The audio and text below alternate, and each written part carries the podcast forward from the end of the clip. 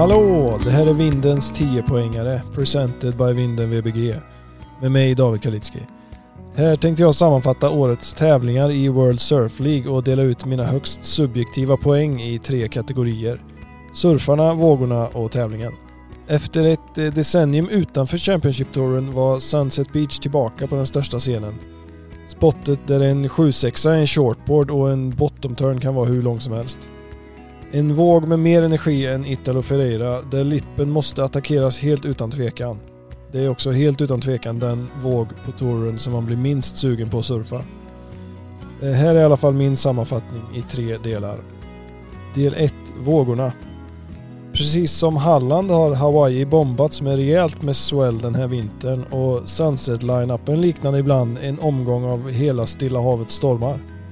Brädor knäcktes, surfarna satt fast på insidan och stokade vattenkommentatorer fick kämpa för att hålla sig på rätt plats.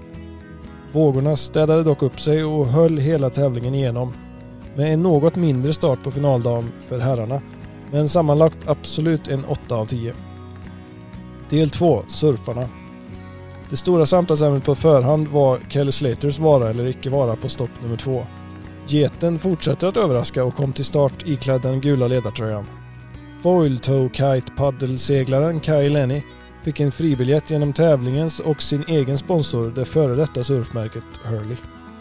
Tyvärr kom Kai aldrig till start på grund av sjukdom. Det var kul att se Slater i den gula tröjan igen men flera besvikelser i startfältet i övrigt. Carissa Moore, John John Florence bland andra och ett antiklimax kring Kai Lenny. Så surfarna får bara 6 av 10. Del 3. Tävlingen. Den mest spännande händelsen inledningsvis innefattade som vanligt Kelly Slater som klarade sig vidare med 0,23 poängs marginal.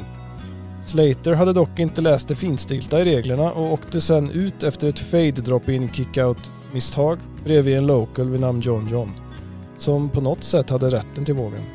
Såg ut som en vanlig lördag i lejet. Jake Gnarshall tjocknockade sen ut Florence men orkade inte matcha stilmästaren Ethan Ewing Jack Attack Robinson såg länge ut som en finalist men heat-ninjan Kanoa Krigarashi var vassare. Den lokala jokern Baron Mamias seglade hela vägen till final med sin powerstance och cringy acclaims. Väl där var det dock ingen tvekan om att segern tillhörde Hawaii. Damernas pipe-specialist i den gula ledartröjan Moana Jones Wong verkar trivas bra längs hela North Shore men fick ändå se sig besegrad tidigt av snåla domare. Stora namn som Fitzgibbons, Gilmore och Peterson fick istället se sig besegrade av nästa generation surfare. Endast Costa Ricas Brisa Hennessy kunde stoppa 16-åriga fenomenet Betty Lou Sakura Johnson och Hennessy tog sedan hem finalen av bara farten.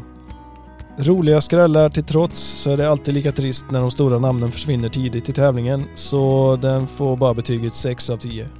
Avslutningsvis några frågetecken. Behöver WSL jokrarna mer än vad jokrarna behöver WSL? Just nu är två wildcards på rankningens topp tre och båda har varit bland de mest sevärda surfarna hittills. Får vi se med Mia i Margaret River? Kan Moana dominera Chopu? Vi håller tummarna. Och slutligen, den viktigaste frågan. Finns det någon professionell surfare som kan göra en bottensväng i ett svep? Check turns, nej tack. Nu ser vi fram emot take-offs rakt in i tuben vid fiskfabriken istället. Det här var allt för den här gången. Vi hörs igen efter nästa stopp med förhoppningsvis nya 10-poängare.